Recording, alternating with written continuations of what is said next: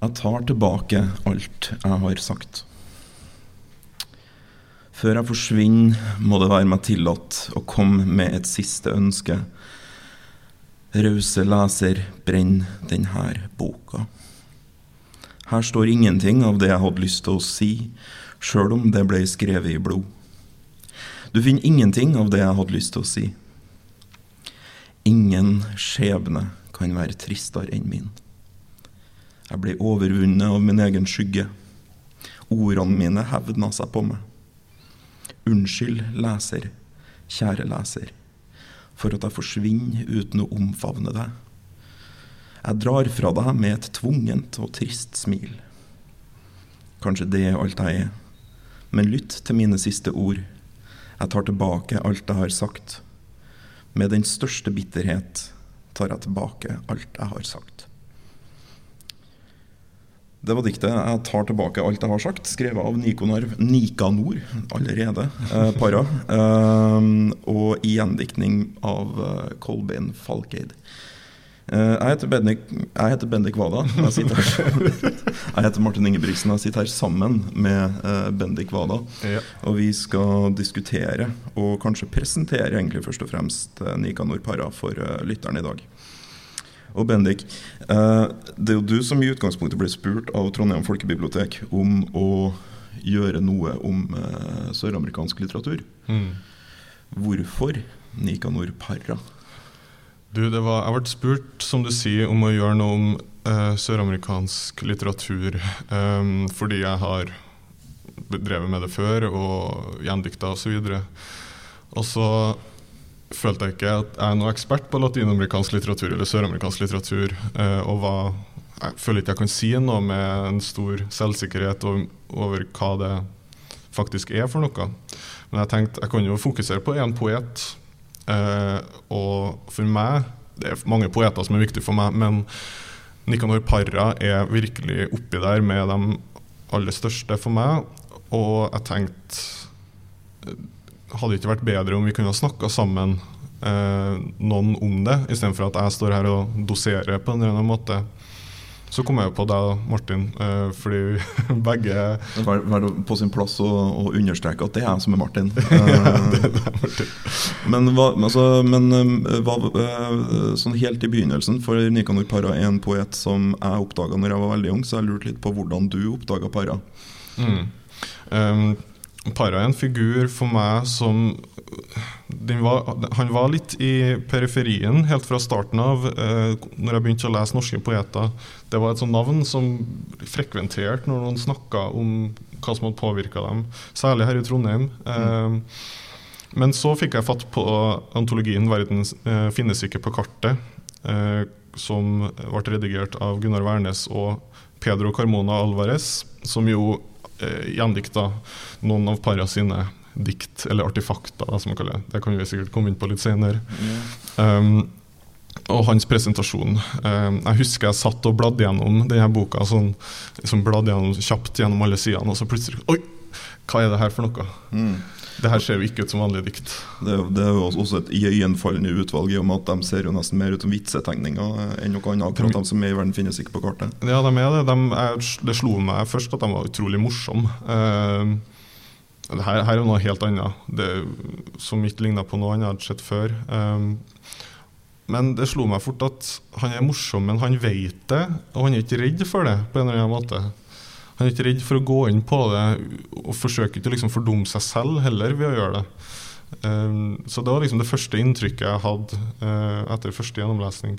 Eh, husker du hvordan du kom inn på det? Eh, Det husker jeg veldig godt. Jeg, ramla også over Nicanor Parra i en antologi, men det var en annen antologi. Det var, si, det var antologien Poetisk modernisme, med en hel haug av meddiktere og også redaktører som kom ut på Samlaget. Her jeg burde jeg slått opp, men jeg tror det var slutten av 80-tallet. Eh, Blant annet så var Per Olav Kaldestad og, og Jon Fosse. Og også Ragnar Hovland og flere også involvert i, i den boka. Um, den leste jeg når jeg var 20, 21, et eller annet sånt. Jeg husker jeg fant den på uh, biblioteket på Nansen-skolen hvor jeg gikk på skrivekunst. Jeg tok den med meg på rommet og så leste jeg den siden hver dag. Og da var det noen poeter i den som eh, for meg, som litt sånn ulærd 20-åring, tindra mye klarere enn de andre. Og Nikanor Parra var en av dem. Jeg tror jeg også på det tidspunktet nok responderte på humoren hans. Um, for Nikanor Parra um, er veldig morsom. Uh, nå leste du et dikt uh, innledningsvis her, eller jeg leste et dikt innledningsvis her som kan høres litt sånn pompøst og uh, Hva som patetisk ut, egentlig. men det som er ganske tydelig når man leser det i kontekst av hans andre dikt, er det at det også er svært ironisk. Mm. Uh, han står for det han sier. Mm. Han brukte å avslutte opplesningene sine med å si 'jeg tar tilbake alt jeg har sagt'. Mm. Fordi han eh, tvilte på poesiens evne til å formidle noe. Eh, men samtidig så var han også fullstendig klar over at han var i stand til å formidle ganske mye. Mm. Men han var nødt til å undergrave det hele veien for å for å klare å formidle. Han var nødt til å liksom undergrave pompøsiteten for å hele tida kunne si noe. Mm. Og det plukka jeg opp på med en gang. Mm. At uh, han hadde funnet en måte å skrive dikt på som uh, fantes litt sånn bortenfor det man ofte forventer når man leser poesi. Poesien har et alvor i seg. Og jeg tror det alvoret er grunnen til at vi mange trekkes mot poesien også. Men her var det en poet som var i stand til å beholde det alvoret samtidig som man ved en sånn eh, ironisk finte var i stand til å være ganske morsom. Og som jeg liksom, prøvde å finne riktig ord for å beskrive, beskrive hvordan det virker. Jeg tror vi, tror vi endte opp på åpen. Mm. For han er ikke enkel. Nei. Han får det til å se enkelt ut, men han ja. er ikke enkel. Nei. Og tilgjengelig er også et ord som blir feil å putte på han. Ja, ja. Uh, men åpen, ja. Det er en poet som kan leses med utbytte uansett, egentlig, hvilken bakgrunn du har. Uh, man kan finne nye ting. Jeg føler jeg Hver gang jeg plukker opp Parra på nytt igjen, uh, så finner jeg noe helt annet enn det jeg har gjort før. jeg føler han sitter der og flirer av meg fordi fordi jeg ikke skjønte det forrige gang. Mm. Uh, og det tror jeg han også litt det han liker med det. Men han er ikke den o store poeten som sitter der og ja, som har begynt med å dosere til sine lesere. Han er heller ikke retorisk, selv om det kan virke sånn eh, noen gang. Men han er ikke retorisk. hver eneste linje har en eller annen form for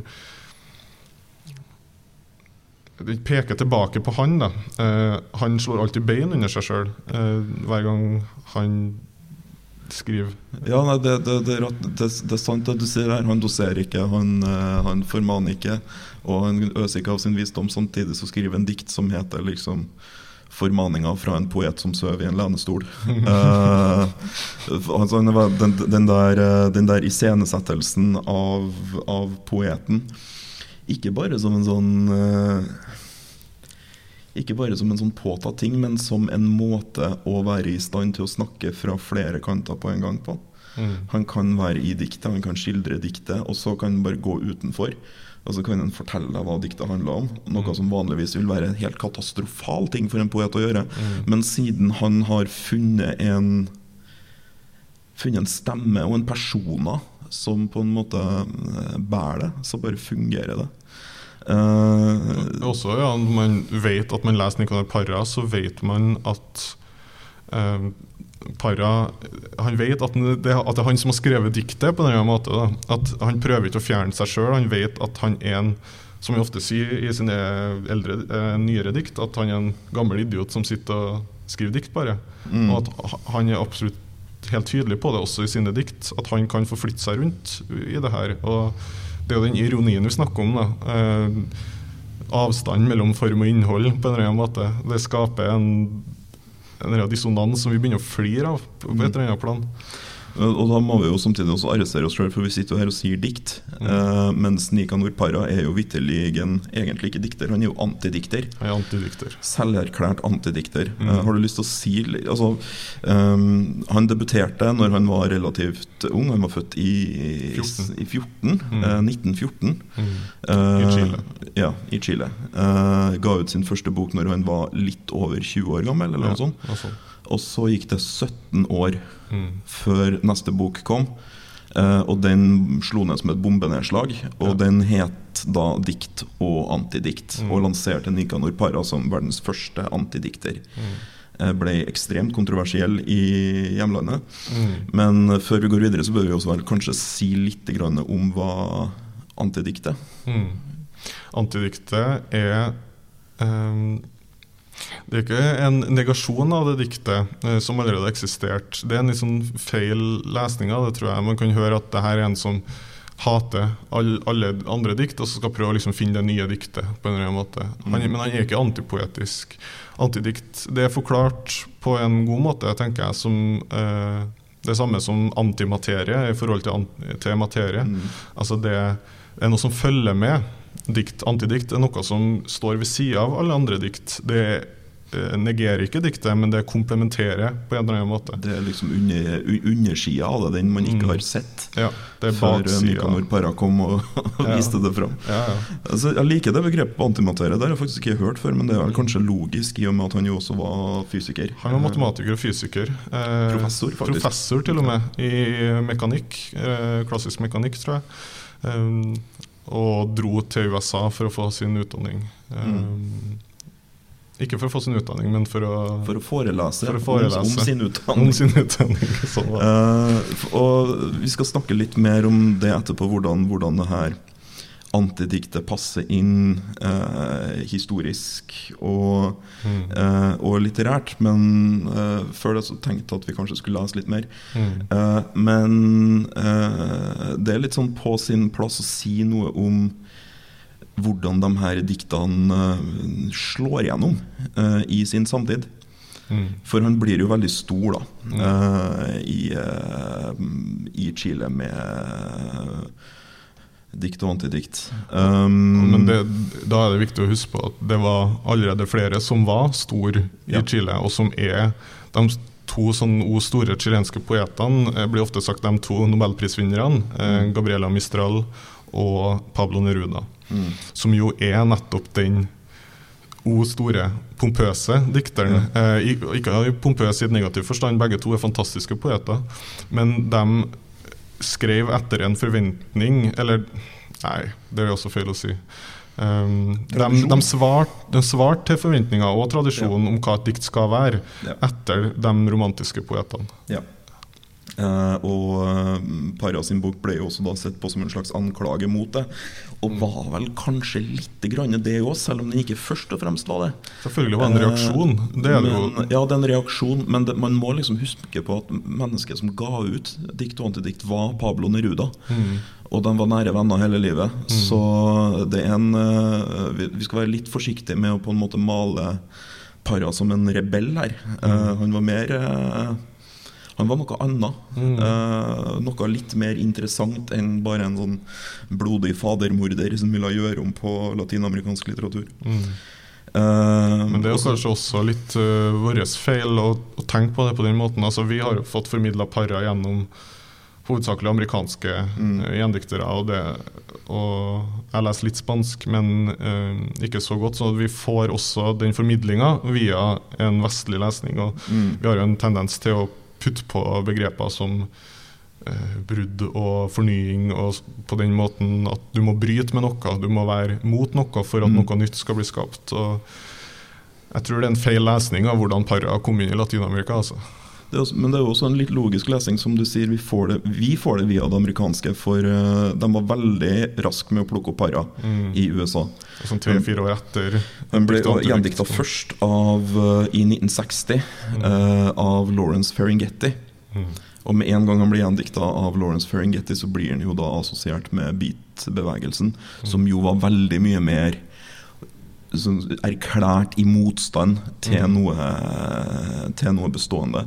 Jeg tror Ferengeti så para som en slags sånn uh, våpenbror i Sør-Amerika.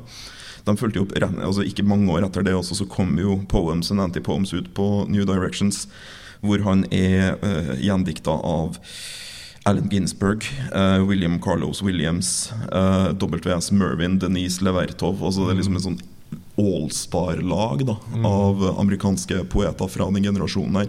Mm. Altså, du kan liksom ikke be om, eh, om, om mer kredibilitet enn å få den gjengen her til å, til å gjendikte det. Mm. Uh, og han blir da liksom assosiert med beatforfatterne på en eller annen måte. Som eh, Jeg vil si at han egentlig er ganske flink til å vri seg unna det mer du leser den. Mm.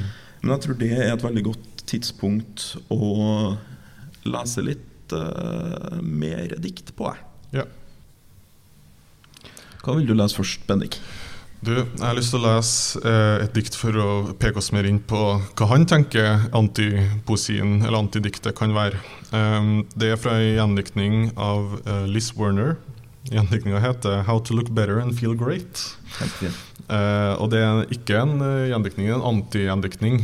eller eller anti-translation. Ja, men eh, hva som ligger i det begrepet først, eh, i og med at vi først har tatt det opp? En anti-translation. Jeg syns det var litt treffende. Ja, det er litt treffende. Altså, det er det vi på eh, norsk ville sikkert ha kalt som vi kaller det gjendiktning. Eh, Mm. De sier jo oversetting, de sier kun translation i USA, eller på engelsk. Og det er det at man gjenskriver diktet eh, på en måte Mm. som får gjendikteren til å skinne fram da, på måten vedkommende ville ha ville ha skrevet diktet fra hennes hånd på en eller annen måte. Um, og han er helt klar på at skal man lese Nicanor Parra, eh, så leser man det på spansk. Ja. Uh, her leser vi gjendiktninga. Vi leser anti-gjendiktninga, anti-oversettinga til Liz Werner. Mm. Mm. Vi kan snakke litt mer om det når vi er ferdig med å lese, men så nå kan du jo bare ta, Ja. ta diktet. Mm.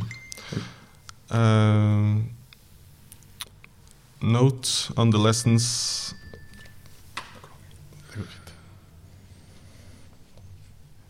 Yes. Note on the lessons of anti poetry. 1. In anti poetry, it is poetry that is sought, not eloquence. 2. Anti poems should be read in the same order in which they were written. 3. We must read poems with the same hunger we bring to anti poems. 4. Poetry happens, so does anti poetry. 5. The poet speaks to all of us without discrimination. 6. Often our pleasure in anti poetry is impaired by our curiosity. We attempt to understand and dispute when we shouldn't do either. 7. Read in good faith if you want to partake, and don't ever find your satisfaction in the author's name. 8. Ask your questions openly and listen without argument to the poet's words. Don't be impatient with the pronouncements of the elders. They don't make them by accident. 9. Hi to everyone. Hi to everyone. Hi to everyone. Uh, av, alle, av alle budene, hvilket er det viktigste, vil du si? Jeg ville, altså Hadde det vært uh, Parra som hadde svart, så ville jeg tippa jeg hadde sagt ni. Sannsynligvis. Uh, hi to everyone. Hva, vi har snakka litt om det her. Um, for til vanlig hadde man hatt en sånn punchline i et hvilken som helst annet dikt, eh, som heter alle sammen, så hadde vi tenkt ja, ja, ok, kult. Uh, men hvorfor funker det akkurat her, Martin? Uh, jeg tror det, jeg syns det er et interessant dikt fordi det Eller et interessant antidikt, fordi det her er jo virkelig et antidikt. Uh, det er jo en liste av bud, og det budene indirekte sier, er at det å i det hele tatt sette opp bud er teit. Alle budene går ut på å gi veldig mye av det Altså gi veldig mye tiltak til leseren. Sette, altså overføre ansvaret veldig mye på leseren. Noe som er, sånn, står i kontrast til det at uh, å, også, å, å ta bort autoriteten fra poeten. Eh, samtidig som hele diktet i seg selv insisterer på at poeten har autoritet til å komme med alle de her budene. Uh, du skal ikke stole på navnet til poeten, men det er Nikanor Parra som sier det her. Altså, og Nikanor Parra er alltid til stede når man leser en bok av Nikanor Parra. Altså ikonografien er så sterk, spesielt også siden det her er et sent dikt, Mm. når han jo var, var superstjerne. Mm. Han hadde jo vanvittig svære opplesningssekvenser med masse, masse publikum. Eh, og alle sammen lo og lo. Men uh, det, det, det, får en forløsning i det her Hi to everyone. Mm. For uten det der siste budet så kunne man kanskje mistenkt at uh, alle de her liksom, paradoksale kjensgjerningene var Hva skal vi si Var, var, var, var, var, var ikke Altså at, man ikke, at poeten ikke var klar over paradokset, eller at antidiktet ikke var klar over det paradokset. Mm. Når du liksom Når du, når du avslutter det med 'hei, alle sammen', Mm. uh, så gir du deg veldig til kjenne. ikke sant? Det er jo først og fremst det det budet gjør. Mm. Uh, og da relat, altså, Da relativiserer man Mm. paradokset. Man klarer på, han klarer ved å være morsom og si alt det her er sant, Mm. og ingenting av det er sant. Og du kan ta det litt som det er. Mm. Eh, og det er forkledd som en vits med en punchline. Mm. Ja, han bygger opp eh, spenning ved at han skaper den her Ok, Førstene er helt grei, det er som en helt vanlig, en vanlig budrekke eh, som på hvem som helst som prøver å legge på dogma. Men så bygges det opp, da. At han sier 'Don't ever find your satisfaction in the author's name'. Men også sier han senere 'Don't be patient with the pronouncement of the elders'. They don't make them by accident. Sier Mm. han som en gammel mann som peker på seg sjøl igjen. Eh, han bygger opp den der det paradokset da, med en gang han begynner. Eh, og til slutt så skaper han en punchline, altså eh, slipper ut spenning. Mm. Det er som en vits. Det er Mm. bygd opp som en vits. Det er um, eh, kom Jimmy Carr, som som en engelsk eh, komiker, eh, skrev i bok om humor en gang. Og der skrev han at eh, en vits er, er, er to historier som fortelles på én gang. Mm. Uh, og punchline er når du avslører at det har vært to historier som har blitt fortalt på en gang. Mm. Uh, og det er noe Parra bruker veldig veldig ofte. Og jeg tror det er derfor man identifiserer diktene hans lett som vitser, fordi han former dem sånn. Men uh, samtidig så slipper man ikke unna at det som foregår i subteksten, i denne tilsynelatende åpne eh, eh, formen Eh, det er masse der, men det er, sånn, det er enda, enda dypere. Jeg syns diktet der, et, eller igjen, antidiktet der, er et veldig godt eksempel på akkurat det. Da, fordi han, driver, han har to posisjoner på gang på én gang. Mm. Han står helt stødig i både liksom, dikterrollen og antidikterrollen samtidig. Mm. Og avslutter diktet ved å avsløre at det her er en og samme paradoksale posisjon. Mm. Eh, og demonstrere at det går faktisk an til å gjøre begge deler på en gang. Ja, det er et godt eksempel på at han ikke prøver å nihilere eh, eh, det normale diktet, skal jeg si normale hermetegn, eh, det vanlige diktet med antidiktet, men han står i begge posisjonene. Eh, han står i posisjon hvor han kan negere seg sjøl, men det er ikke for å gjøre det enklere for seg sjøl, men det er for å peke på at det er faktisk han som sier det her, og han er alltid til stede eh, i det han uttaler. Det minner meg også den, den, den der linja med, med, med the elders. Respekter, respekter de eldre. Eh, det minner meg om eh, Det minner meg om eh, nekrologen til Nicanor Parra som ble skrevet av at Jeg er nesten sikker på at det var Alejandro Sambra. Som jo også er en chilensk forfatter, som skrev den i The New Yorker når para døde for tre år siden, 103 år gammel, eller eh, hva han var. Eh, Mm.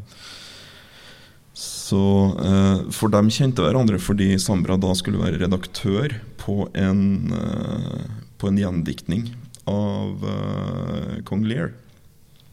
Som, uh, som Nicanor Parra skulle gjennomføre.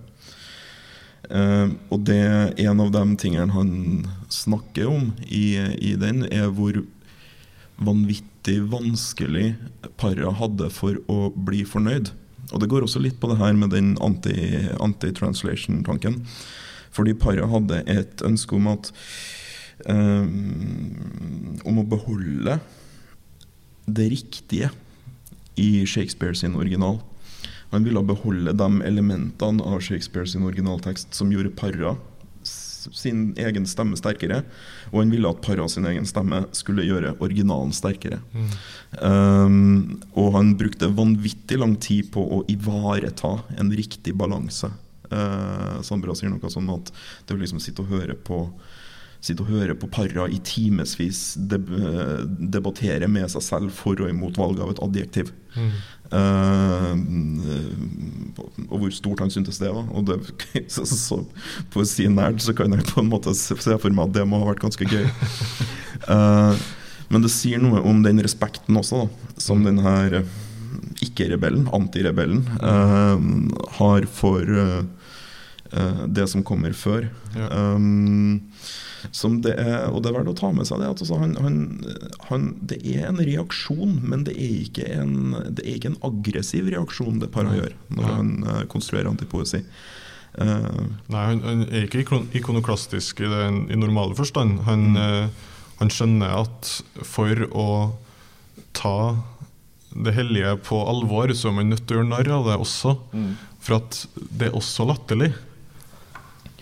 Apropos, eh, jeg hadde lyst til å lese enda et, eh, et litt mer latterlig dikt fra eh, Kolbjørn Falkeid eh, sin gjendiktning. Eh, som heter 'Jeg er ingen sentimental gammel mann'. Og det her er nok mer her, her prøver han ikke å si noe viktig om antipoesi, men han eh, Han er litt mer fjollete. Men samtidig som vi sikkert kommer inn på etterpå, så er det mer enn bare det.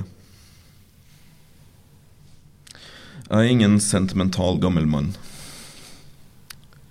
Et spedbarn lar meg fullstendig kald. Jeg ville ikke ha tatt det i armene mine om så verden rast sammen. Hver mann har nok med sin egen kløe. Jeg orker ikke familiesammenkomster, vil heller bli piska enn å måtte leke med mine små nevøer. Ikke engang mine egne barnebarn betar meg større. Det jeg skulle sagt er, de går meg på nervene. I samme øyeblikk de ser meg, kom tilbake fra kysten, springer de mot meg med åpne armer, som om jeg var julenissen. Små drittsekker. Hvem faen tror dere jeg er?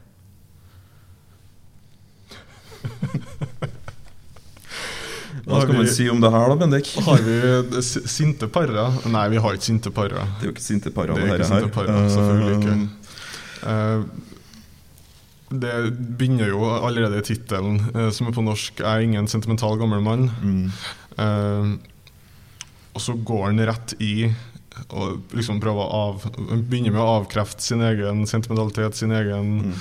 sin egen følelsesfullhet, på en eller annen måte. Og så Ja. går den jo rett og slett hat. Og hva er mer sentimentalt enn hat? Ja, eh, den der motstanden eh, Mm. mot å, den insisteringa på at jeg har ingen følelser for, for familien min. Jeg liker ikke familien min. Sånn, sånn. Eh, Men så har du en sånn, et sånn paradoks her. Altså man, Mm. må, man må på en måte tenke lenger. Hvis det var sånn at han gikk rundt og var så fryktelig uvennlig mot familien sin. Hvorfor skulle barnebarna hans komme liksom springende mot den med åpne armer når han kommer tilbake fra kysten? Ja. Uh, Og det er jo sentimentalt. Han, han, ha, altså sentimental, han liker ikke sentimentalitet, han hater kjærlighet. ja. Uh, og det er paradokset, da. I det også. ja, altså det Eh, også, du tror jo ikke helt på han. Nei, selvfølgelig tror du Nei, ikke på han. Hvorfor, velger han å skrive dikt om det? på en eller annen måte? Ja da. eh, altså han, eh, det, det, det, er en, eh, altså det er en dikt om eh, posering. Mm. Eh, man kan se for seg at uh, han har blitt uh, liksom anklaga for det her med å ikke være sentimental. Mm. Fordi det er jo en, det er en vanlig kritikk mot Parra at han er bare ironisk. Det er ingen følelser Ja, i det. det er liksom, fjerner seg fra alt det der. Mm. Eh, Nettopp. Og så skriver han da egentlig det her ekstremt smarte diktet, hvor han, avs altså hvor han med vilje avslører seg. Altså i, en slags, i, et, I et spill, i en demonstrasjon over hvor kald han er. I en bekreftelse. Uh, og eh, det er litt den at det her, det her, altså her er det er en upålitelig forteller. Mm, Og det er laga med vilje. For man, jeg, jeg tror ikke på han i et sekund. Nei. Og jeg tror han har skrevet dikt hvor det er meninga at man ikke skal tro på han i et sekund. Mm. Uh, det er den sånn så Diktene hans eh, har ofte en litt sånn retorisk karakter, og når man sier det, så handler det veldig om hvilken autoritet og kredibilitet han legger opp til at du skal ha. ikke sant? Han prøver å overtale deg til noe. Men han er også i stand til å gjøre det motsatte. Han kan overtale deg til å se at han lyver Mm. uh, ved å avsløre seg. Mm. Uh, det er en enorm retorisk kontroll uh, som er veldig morsom å se på. Men eh, skal vi du, Hva ville du lese? Jeg ville lese et uh, annet dikt uh, fra den samme eh, anti-translation, Mm. um, som heter 'Resurrection'. Som også er veldig morsomt, men på en litt annen måte. Resurrection. One day in a park in New York City, a pigeon fell at my feet. She thrashed for a few seconds and then died. But the most unexpected thing of all was that she revived on the spot without giving me time to react and took off flying as though she, has, she had never been dead at all. Bells were ringing somewhere far away. And I just stood there watching her zigzag and zigzag between the marble statues. And there was a noising growling in my guts. And I got started spitting out this poem.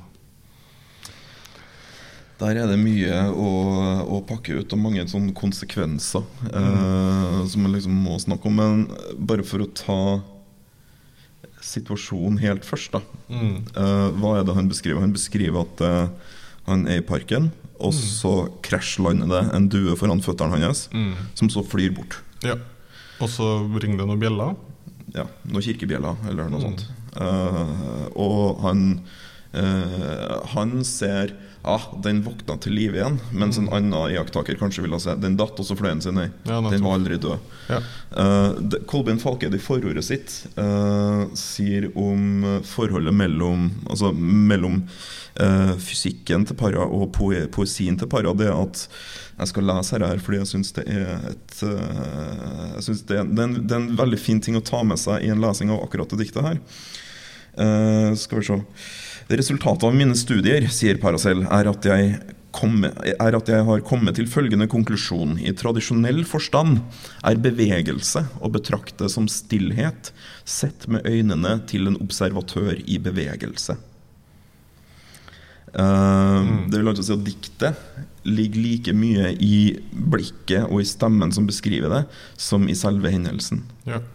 Og her er det jo nettopp sånn at han velger å presentere noe Altså han velger å presentere noe relativt eh, Noe de aller fleste nok ville ha tenkt på som, eh, som bare en hendelse med en fugl. Mm. En lys levende fugl som en slags algori over Jesu oppstandelse. ja. Som han bare hinter til. Han sier det ikke, men han hinter til det. Mm. Uh, Marble statues etterpå. Altså den klassiske forståelsen av et dikt. på en Mm. annen måte. Eh, men, men ikke sant, som man sier, bevegelse er stillstand i, eh, i blikket til den bevegende. Og på samme måte så kan man jo si at det her, para er fuglen, og fuglen er para. fordi fra fuglens synspunkt så er det liksom i para som datt ned på hans, ved hans føtter, og som plutselig stakk igjen. Uh, og det er jo det det er. Eh, nei, sorry. Det kan vi ikke Nei da, det, det, det, det, er ikke så, det er ikke så Det kunne vært interessant å skrive det diktet fra fuglen sitt perspektiv. Jeg landa ved en statue, og så begynte den statuen å bevege på seg. Duren. Men en ting som også må påpekes her, er jo at Parra gjennom hele sin uh, litterære karriere, i hvert fall fra Antipoems, jo lot det gå litt sånn sport i å terge på seg kirka. Det er sant. Uh, men altså, når han, når han start, altså Den katolske kirka er veldig viktig. Etter hvert så blir det jo også diktatur i Chile. Og han, har alle, alle, han befinner seg alltid i de her maktkonstellasjonene som man på en eller annen måte klarer å kritisere, men likevel går fullstendig fri fra. Mm. Sannsynligvis fordi det er forkledd som humor, og fordi det er litt smartere enn en, uh, enn sensuren. ja, en, og, eh, og, fordi at, og, fordi at, nettopp den sensuren eller den kritikken han får, er også en kritikk han ønsker. Ja. Det, han vil også fremstå en, eh, som, den som, altså som den de kritiserer. Han vil ja. ønske også å være en person som kirka kritiserer.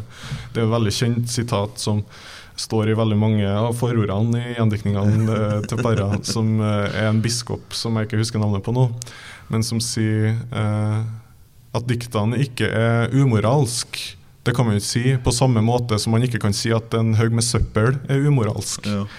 Noe som er, noe som er morsomt. En, en, en, biskop som ingen husker navnet på, men som mm. bare kun siteres i forordene av Nikador Parra sine samlede dikter. Det er liksom ettermælet leve.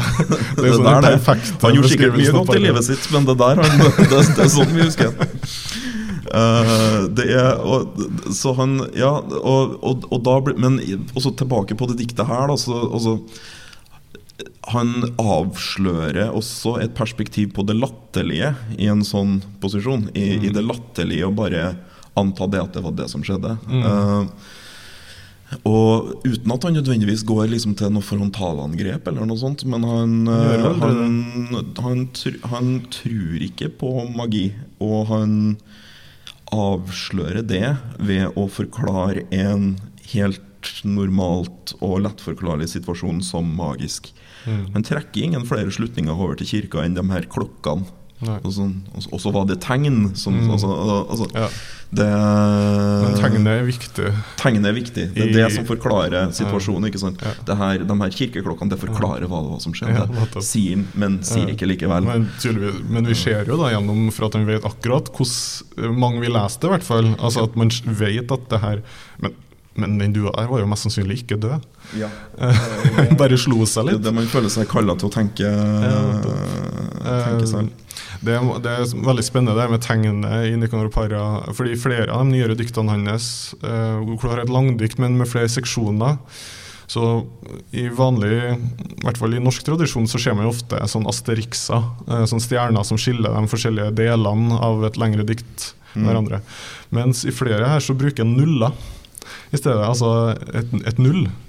Eh, så liksom bare for å beskrive at ingenting er også et tegn. Altså Ingenting er også noe. Eh, tomheten mellom her Jeg vet at det er en tomhet mellom her. Eh, jeg prøver ikke å forfine meg. Jeg hadde ingenting å si her, så jeg bare satte et null i stedet. Jeg måtte bare finne noe. Mm. Eh, og han, han dekoder verden på en eller annen måte gjennom å peke på at peke på de tegnene som gir mening, men som altså som gir mening til diktet uh, gjennom at vi leser det. Men det trenger ikke å gi mening annet enn det det som skjer. Mm. Uh, og han vet det der samtidig som han bruker de referansene som tegnet gir til oss, da, mm. uh, og hvordan vi skal lese det. Det er ganske, ganske interessant. Eh, ville du lese noen flere før vi gir oss? Du, Jeg hadde to stykker til som jeg tenkte at vi kanskje skulle ta. Ja, bare ta dem. Mm.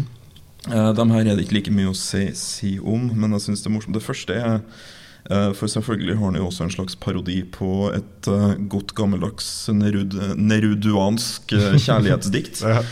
Antimaterien til Neruda sine flyvende skip ja. og brennende hjerter. Uh, det heter 'Kjæresteprat'. Det er igjen i, i Falkeid sin, sin gjendiktning. Vi har vært her i en hel time, men du svarer det samme som alltid.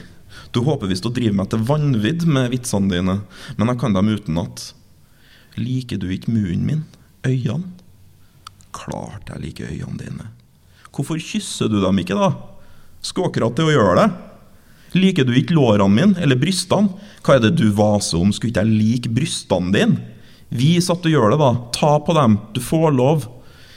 Jeg liker ikke at du maser og ber meg om det. Men hvorfor fikk du meg til å kle av meg da? Gjorde jeg vel ikke? Du gjorde det fordi du hadde lyst til det. Sleng på deg klærne nå før mannen din kommer hjem. Slutt å prate. Kle på deg før mannen din kommer hjem. Eh, det er ikke sikkert at man trenger å si så fryktelig mye om det diktet. Uh, Annet enn at uh, det er igjen et eksempel på det her med altså, to fortellinger på én gang, Mm. og så avslører det, og så har det liksom vitsen sin, sin logikk i seg. Mm. Og så er det en sånn uh, Jeg vet ikke, er det noe hva du, hva du, Er det, er det noe vit... Altså, Altså, jeg syns selve, selve diktet i seg selv på innholdsplan er ganske åpenbart, og hvordan det lefler med den romantiske poesien. mm. Men eh, jeg syns nettopp det er interessant, eh, som du sier, med de to historiene som foregår på samme gang. Og du har den der bevegelsen hvor de først blir tydelig hva er det som skjer når begge blir avslørt.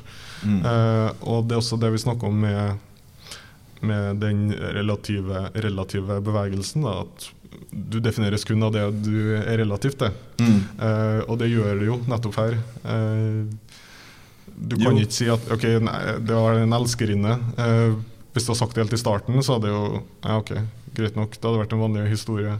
Mm. Du må si det til slutt. Du må ha liksom konteksten først. Da. Ja, altså, du kan si, og sånn sett så er han jo også han her han her mannen som ikke vil ta på puppene og ikke vil, ikke vil kysse øynene og ikke vil gjøre alle de her tingene. Og en, sånn anti, antitesen til en sånn eh, til, en, til elskeren, sånn som Mm. han fremstår i f.eks. ofte hos Neruda eller i de romantiske poetene, da, hvor Ja. elskeren er sånn ren, sånn ren aggressiv, forførende kraft som bare får alt til å liksom falle inn i sin egen lidenskaps uh, Altså hvor lidenskapen er konteksten for alle handlingene. Mm. Og her er det mer sånn Kle på deg før mannen din kommer. Mm. Det er, jeg vil ikke, jeg vil nå, Jeg orker ikke mer. Jeg orker ikke noe. Det er så slitsomt at du ber meg om det. Jeg vil ikke spille den rollen. Du, jeg vil ikke spille den rollen Som du ber meg om å innta. Ja. Ja. Det er liksom para som bare Kom igjen, da, vær så snill. Ja. Gi, meg, gi meg berøringa. Men jeg, jeg orker ikke. Ja, nei, Og så er det også noe det, det, det, det har noe til felles med Para sin sånn poetiske karakter, Mm. som ikke vil være den poeten. Mm. Men jeg tror ikke vi skal dra den lenger inn i det. Eh, Jeg hadde lyst til å avslutte med et dikt um, eh, fra Poems and Anti-Poems. Mm. Uh, den amerikanske oversettelsen. Det her er um, da uh, gjendikta av Miller Williams. Som var, som var redaktør på den første liksom, solide utvalget av av uh, Perra sine dikt. Uh, og det heter rett og slett 'Rollercoaster'.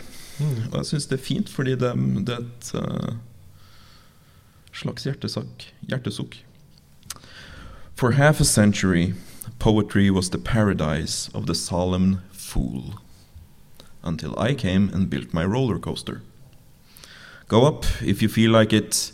I'm not responsible if you come down with your mouth and nose bleeding. Jeg syns det er fint. En fin sånn, eh, en fin sånn bevissthetsgjøring på det at eh, han, han vet veldig godt hva han driver med, og han vet hvilken posisjon han tar når han sier Until I came along and built my roller coaster. Eh, som en sånn opposisjon til The Solemn Fools. Og det er half a century, så det er liksom 50 år. Ja.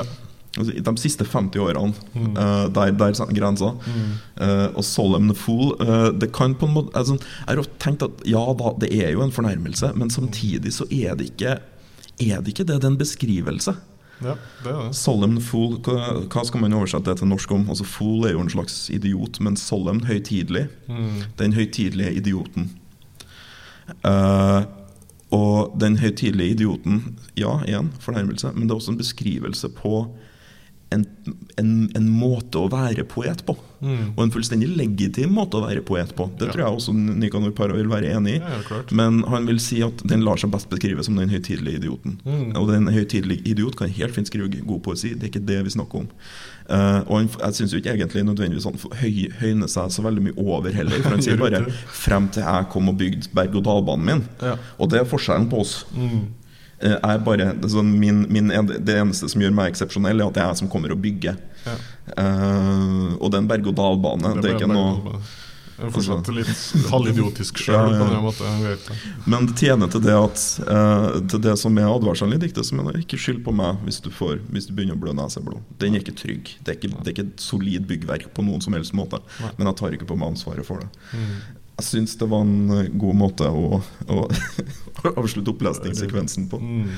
Uh, en ting som jeg tenkte at vi må snakke litt mer om før vi avslutter, er jo uh, arven Mm. etter Nikanor Para. Mm.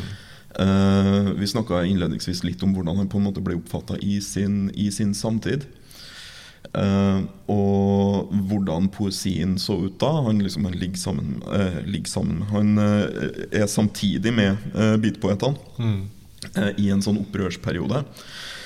Når han dør, eh, over 50 år senere, så ser jo poesien veldig annerledes ut. Ja, det gjør det. Og beatpoetene eh, hvis, igjen, da, hvis vi ser på amerikanske forhold, som vi også liksom tar til oss i Norge i dag eh, Hvor eh, altså I talende stund så er vi eh, rett på hælene av en debatt rundt Instagram-poesi og Trygve Skaug og eh, dem, dem av våre kollegaer som driver, eh, driver det sjiktet der. Mm. Og har ofte reflektert over det at eh, de befinner seg i en ganske sånn direkte linje. Mm. Selv om de altså, Nå skal ikke jeg for, forskuttere, men jeg forestiller meg at de kanskje ikke Kanskje ikke vet det sjøl. Altså hvor mye av den der typen uh, hermetegn tilgjengelig poesi som faktisk skyldes det uh, det at en person som f.eks. Nikanor Parra, men også la oss si uh, Ja, f.eks. Charles Bukowski, da, Mm. uh, kommer inn og eh, og åpne det poetiske rommet uh, til å bli mindre formelt. Mm. Um, Ja, jeg tror det, det er mange som sikkert ser uh, linjene fra beatpoetene og måten de skapte dikt på. Beatpoetene var jo hadde en enormt sånn hard retorikk. altså Det var veldig direkte, det var et angrep. De var veldig tydelige på sin egen retorikk. Mm. Men beatpoetene levde i et ganske, sikkert ganske jævlig USA, men det var ingenting sammenligna med Pinochet i Chile. nei. Mest sannsynlig ikke. Eh, men Parra han tar aldri på seg den retorikken. Parra latterliggjør for å avkle. Mm. Og, og klarer også der, dermed å skjule eh, sin, sin kritikk, da, som man ser i flere av diktene hennes. Også mot det regimet man lever i. Mm. Både mot kapitalismen, mot marxismen og mot alle dem sånn idealistene, eh, på en eller annen måte. Han avkler den o store moralske ideen. Paras sier jo eh, vi er alle kommunister, vi er alle fascister, vi er alle kristne, vi er alle ateister. Altså, Mm. eh, alt det her er bare ord. Mm. Eh, ord som beskriver menneskelige tilstander. Vi er, altså, så han, det, jeg tror det er sånn han går langt i å unngå en form for eh, skal vi se, en, en, form for spissa polemikk. Da. Men jeg Mm. tror jo også samtidig at han mener alt det han sier når han sier de her tingene. Han har nok en, igjen, altså en fysikers blikk på dette her. Altså han, ser, han ser at alt sammen av det her er relativt i forhold til hvordan du beveger deg, og i forhold til hva det du beveger deg til. Mm. Um, og er nok som sådan kan vi si, en, eh, en relativist, Ja. mer enn uh, mer enn det beatforfatterne i, i, i stor grad var. Og også i, um, når du ser på den uh, mer aksjonistiske Mm. Uh, lyrikken som kommer fra USA, USA i dag. Ja, Om det er Som også har tilgjengelighet som en dyd i seg. nettopp Daniel Smith eller, eh, eller Claudia Rankin. Mm. det finnes veldig mange interessante navn som skriver veldig god poesi Mm. på veldig mange forskjellige måter. Ja. Men de har til felles det at de har men, men, men eh, de poetene eh, Og det her blir veldig, sånn, veldig personlig, selvfølgelig, men jeg opplever dem som igjen mer åpen. Eh, ikke mindre sint, men mer åpen enn veldig mange av beat-forfatterne. var. Ikke sant? Mm. Allen Ginsberg, som jo var, definitivt var på anklagersida. Eh, Mm. men var- pakka også gjerne inn tingene sine i, sånn, i rar mytologi som han fant eh, der, og hadde et mer eller mindre innforstått forhold til. Um, de hadde en sånn høystemt de, de var også avhengig av en sånn høystemt stil, Ja. uh, som jeg tror Parra kom inn og tempererte. Um, Han visste at man kjente til stilene, han visste at man kjente til de forskjellige registrene man har levd i. mm, og man har skapt det, Men han skaper på bakgrunn av det, og det er helt tydelig at han bruker det registeret han har, da, med, å skape, med å skrive på den måten han gjør, og ikke ja. mm, Ikke den der som klassisk som vi snakka om tidligere, den måten at vi skal vi skrive nytt, så er vi nødt til å være mot noe annet. mm, Men han, han bruker alt, da. Altså, men igjen, her, her korte Altså her kommer eh, eh, begrepsapparatet mitt til kort eh, når det kommer til det, for man har lært å snakke om det på denne måten. mm, man prøver liksom å sirkle inn para, men han man kan sirkle inn på så mange måter. Det er nettopp det du sirkler den inn. Du kan se på den fra så mange plan mm. og så mange vinkler. Og han, han er god, liksom. Han er rett og slett mangefasettert. Han er mangefasettert. Eh, Jeg tror vi kan runde av der. eh, Men jeg tenkte eh, sånn helt til slutt så hadde jeg lyst til å bare si det Lese enda litt kort fra forordet til Kolbein Falkeid. Um, i, en, I en sjelden polemisk uh, Kolbein Falkeid. uh, nei, det skal ikke jeg si. Han, han, han kunne det. Han skriver Personlig tviler jeg litt på om para går helt hjem hos de prektigste leserne. Dem som alltid vet så inderlig godt hvordan et dikt skal se ut, og følgelig ikke vet noen ting. Det syns jeg egentlig eh, er så godt som det kan sies av en, eh, av en, eh, av en person som var en slags generasjonsfrende av, av Nikanor Para. Mm. Eh, Så vi også vært glad, glad Ja, det vil jeg tror like glad for den som den søppel- søppelbøttekommentaren. ja. Yes, da takker vi for oss. yes, tusen takk.